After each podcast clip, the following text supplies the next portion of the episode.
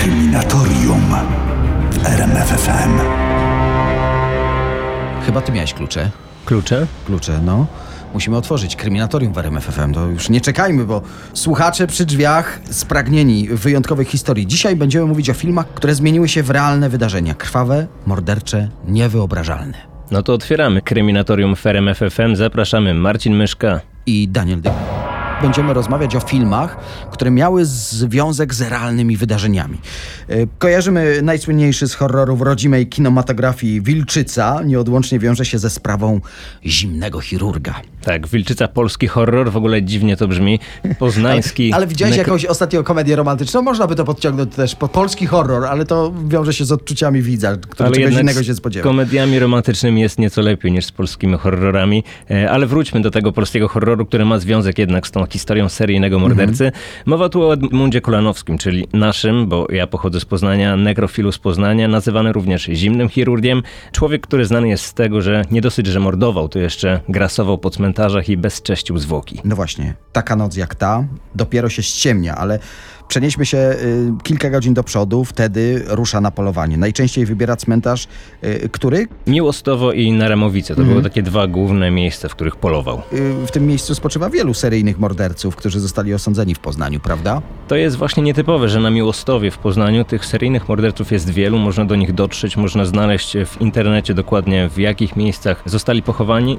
Jeśli chodzi o Edmunda Kolanowskiego, mm, jak sam później opowiadał, szukał świeżych grobów. Tych, Tak, chodziło mu o takie Do groby kilka dni po pogrzebie. No, w innym wypadku trudno byłoby wykopać ciała. Gdy znalazł już grób, który go interesował, rozkopywał ten grób, wyciągał zwłoki i odcinał fragmenty ciał, które potem brał ze sobą do domu i przyszywał do szmacianych manekinów, które specjalnie do tego celu wykonał. Tam się z nimi zabawiał. Myślę, że w taki sposób powinniśmy to nazwać kolokwialnie. Nigdy nie zrozumiem y, umysłu takiego mordercy, takiego szalonego planu. Co tam się w tej głowie y, mieści? W każdym razie wpadł właśnie przez film Wilczyca. W maju 1983 roku Edmund wybrał się do swojego ulubionego kina Apollo. To najstarsze kino w Poznaniu. Przyznam, że bardzo klimatyczne. Polecam odwiedzić każdemu. Wybrał się tam na film właśnie Wilczyca. Ten film tak bardzo go podniecił, że postanowił zapolować. Tam było mnóstwo wątków związanych z martwymi ciałami, z wykopywaniem zwłok. Tak bardzo go to zainspirowało, że później wyruszył na cmentarz. Już to zauważyłeś, że polska kinematografia raczej nie kojarzy się z produkcją horrorów, ale to jest najlepszy dowód, że polski horror może wywołać po pierwsze emocje, a po drugie może się przysłużyć dobrej sprawie, bo śledczy przewidzieli, że do czegoś takiego, do jakiegoś aktu inspiracji może dojść. Dokładnie, milicja już od długiego czasu polowała na Edmunda i zdawali sobie sprawę, że on prędzej czy później zaatakuje w tym samym miejscu na cmentarzu. Został złapany praktycznie na gorącym uczynku. Co prawda zdołał uciec, ale pozostawił po sobie tyle śladów, że niedługo potem udało się go schwytać. Podążamy tropem zbrodniarzy, których zainspirowała fantazja filmowców. Fikcję z ekranu postanowili zmienić w prawdziwe wydarzenia. Kto teraz? Przenosimy się do Krakowa, do jednego z najpopularniejszych seryjnych morderców w historii naszego kraju. Mowa tu o Karolu Kocie. Ten Aż się temat dziwię, że do tej pory o nim nie mówiliśmy w ogóle. Nie mówiliśmy, ale chyba jeden z odcinków Dorwać Bestie był właśnie na temat Karola Kota. Morderca, który grasował w latach 60., zabił dwie osoby. Jedną z jego ofiar było dziecko, warto przypomnieć. E, A za chwilę przechodzimy do filmu, który go zainspirował. To był młody chłopak, prawda? Zaczął zabijać przed ukończeniem 20 roku życia. Myślę, że to też podchwyciły media, dlatego ta jego popularność. E, W ostatnim czasie na rynku wydawniczym pojawiła się książka M jak morderca Przemysława Semczuka. Tak, świetna pozycja, bardzo dokładnie opisany zarówno cały proces sądowy, jak i wszelkie szczegóły z akt. E, Tam pojawia się chyba po raz pierwszy ten motyw M morderca, czyli filmu z 1931 roku, który mógł mieć jakiś wpływ na młodego Karola. Ten film był już oparty na prawdziwej historii Petera Kurtena, czyli wampira z Düsseldorfu. Został pokazany w telewizji jesienią 65 roku i nie tylko y, Karol pewnie był pod jego silnym wrażeniem, całe społeczeństwo PRL-u, ale to o Karolu teraz mówimy. Dlaczego? Nie ma wątpliwości, że Karol ten film obejrzał. To pojawia się w aktach. E, Co więcej, nakłaniał swoich znajomych do tego, aby ten film również obejrzeli. E, Zwracał szczególną uwagę na zakończenie tego filmu, w którym zabójca tłumaczył swoje zbrodnie.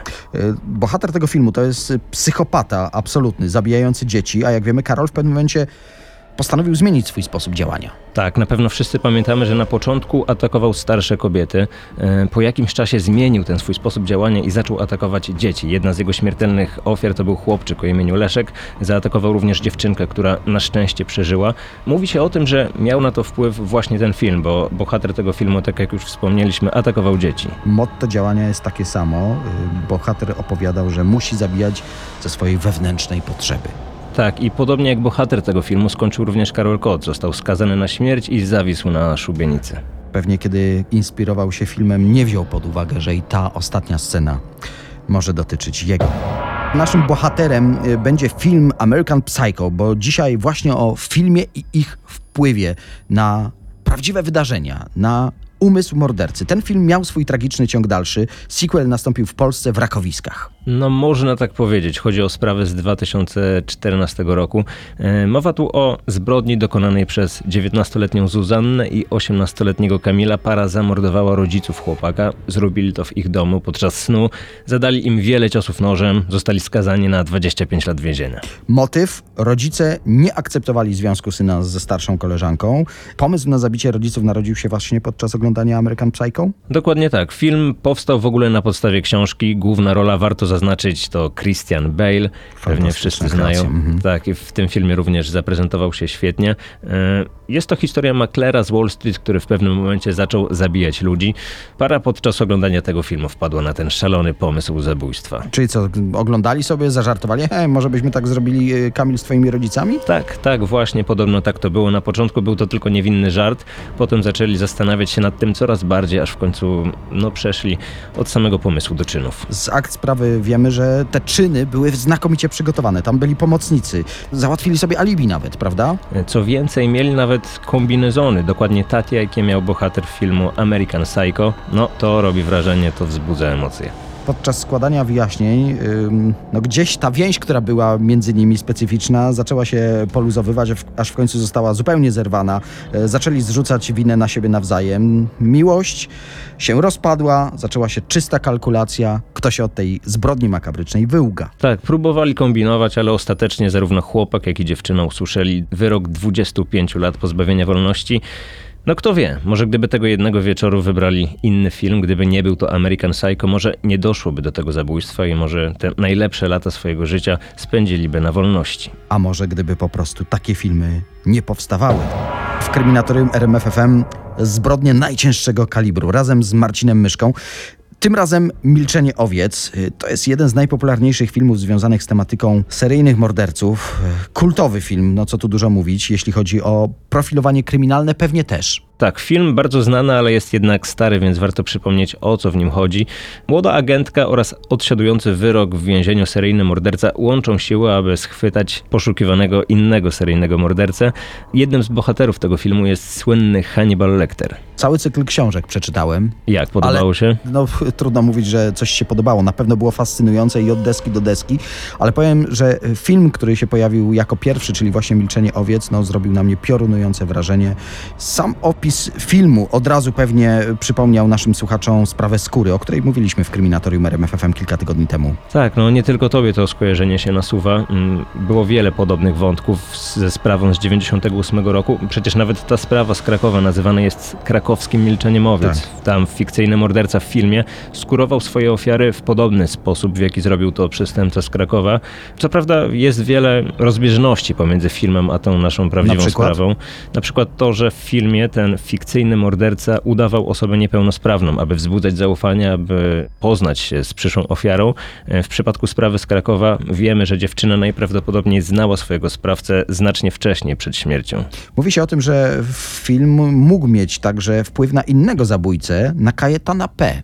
To z kolei głośna sprawa ostatnich tak naprawdę e, lat. Tak, sprawa, którą żyła cała Polska, sam pamiętam, jak pisały o tym wszystkie media. E, Dokonano brutalnego zabójstwa. Wiedzieliśmy, kto jest sprawcą od samego początku. Zdjęcia z wizerunkiem tego zbrodniarza śmigały po internecie, jak i po wszystkich telewizjach.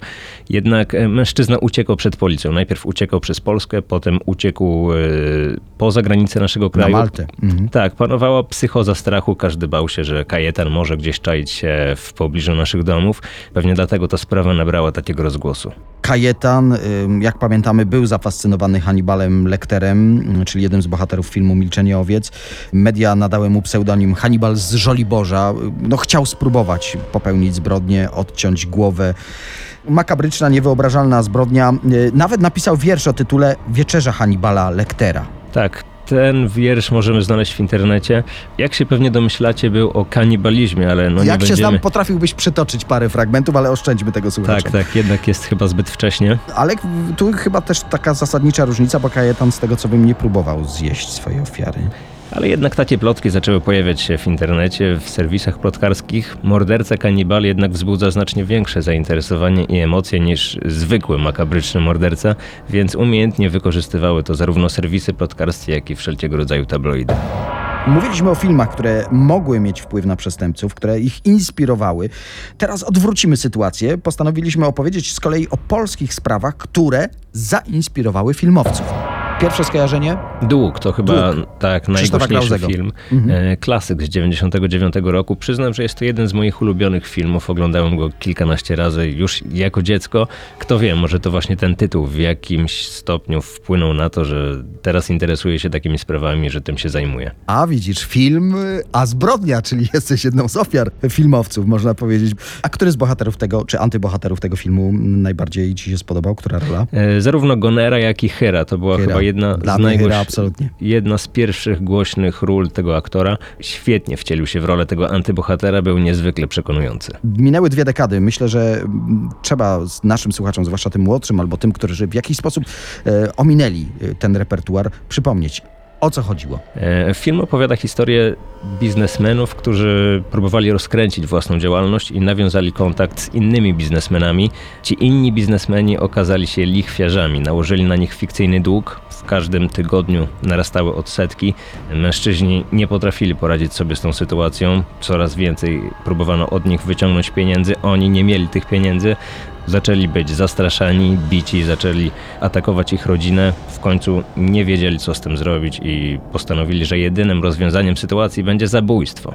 Wyobraźmy sobie siebie w tej roli. Kiedy spłacamy dług, okazuje się, że odsetki urosły tak, że go przewyższają dwukrotnie. Spłacamy to, okazuje się, że kolejne odsetki. Czy ci bohaterowie y, filmu nie mogli pójść na policję? Oczywiście byli na policji, ale no, były to lata 90. Możliwe, że wtedy policja nie dysponowała takimi metodami jak obecnie i nie przyniosło to żadnego rezultatu dokonali straszliwego czynu, bo w filmie zamordowali jedną osobę, tak? A w rzeczywistości... W rzeczywistości tych osób było więcej, tych, które gnębiły tych mężczyzn. Zostali skazani na 25 lat w 97 roku. Jeden z tych mężczyzn chyba sam nawet się przyznał do zabójstwa, nie potrafił poradzić sobie z wyrzutami sumienia. No nie byli to żadni gangsterzy, nie byli mhm. to doświadczeni zbrodniarze, to byli zwykli ludzie.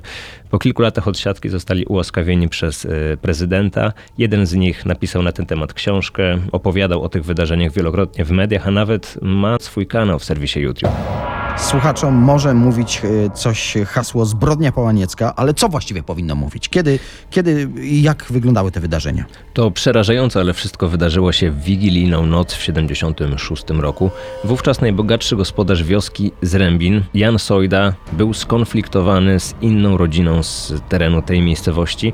E, właściwie ich konflikt trwał już od kilku lat, ale wszystko zaogniło się podczas wesela, gdy jedna rodzina oskarżyła drugą o kradzież kiełbasy. No, ale wyobrażasz cię sobie ten słynny, taki typowy być może na wsiach konflikt o, o miedzę, o zaoranie pola na dwa palce, no to co znamy też z innych filmów, y, jak sami swoi na przykład, prawda? Tym razem nie był to dowcip, a był to no, prawdziwy motyw mhm. zabójstwa, bo Jan zapowiedział zemstę.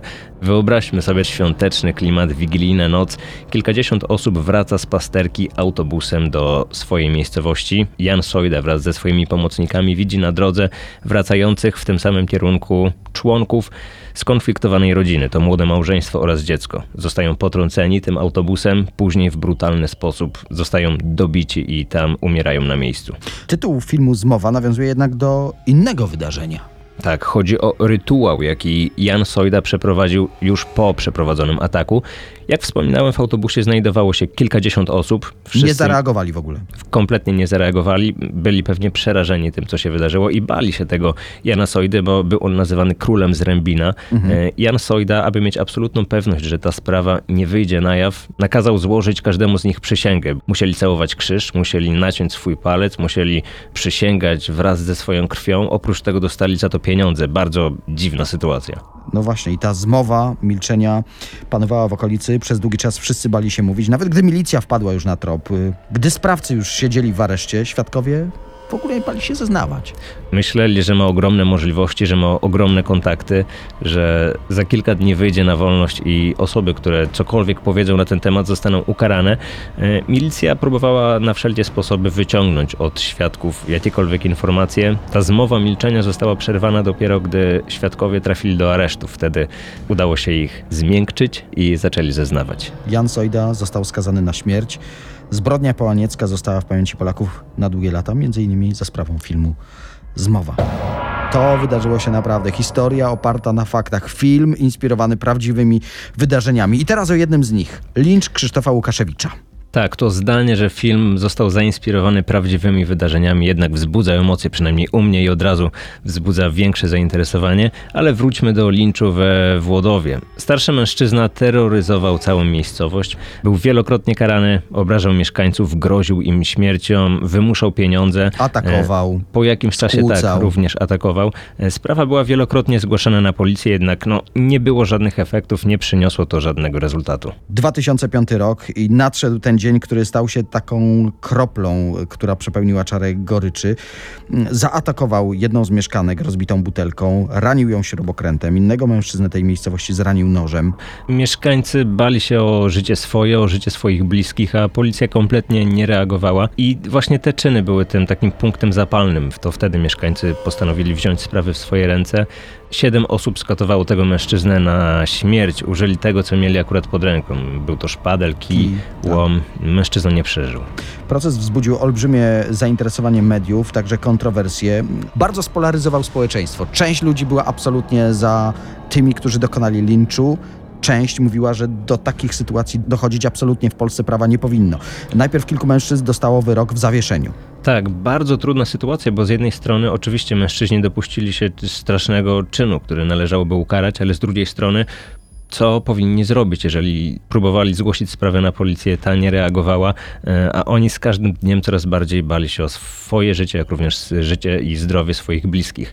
Po jakimś czasie sąd apelacyjny zmienił wyrok i skazał uczestników na 4 lata więzienia. Już bez E, zawieszenia. Tak, i było to nadzwyczajne złagodzenie kary. Kryminatorium RMFFM.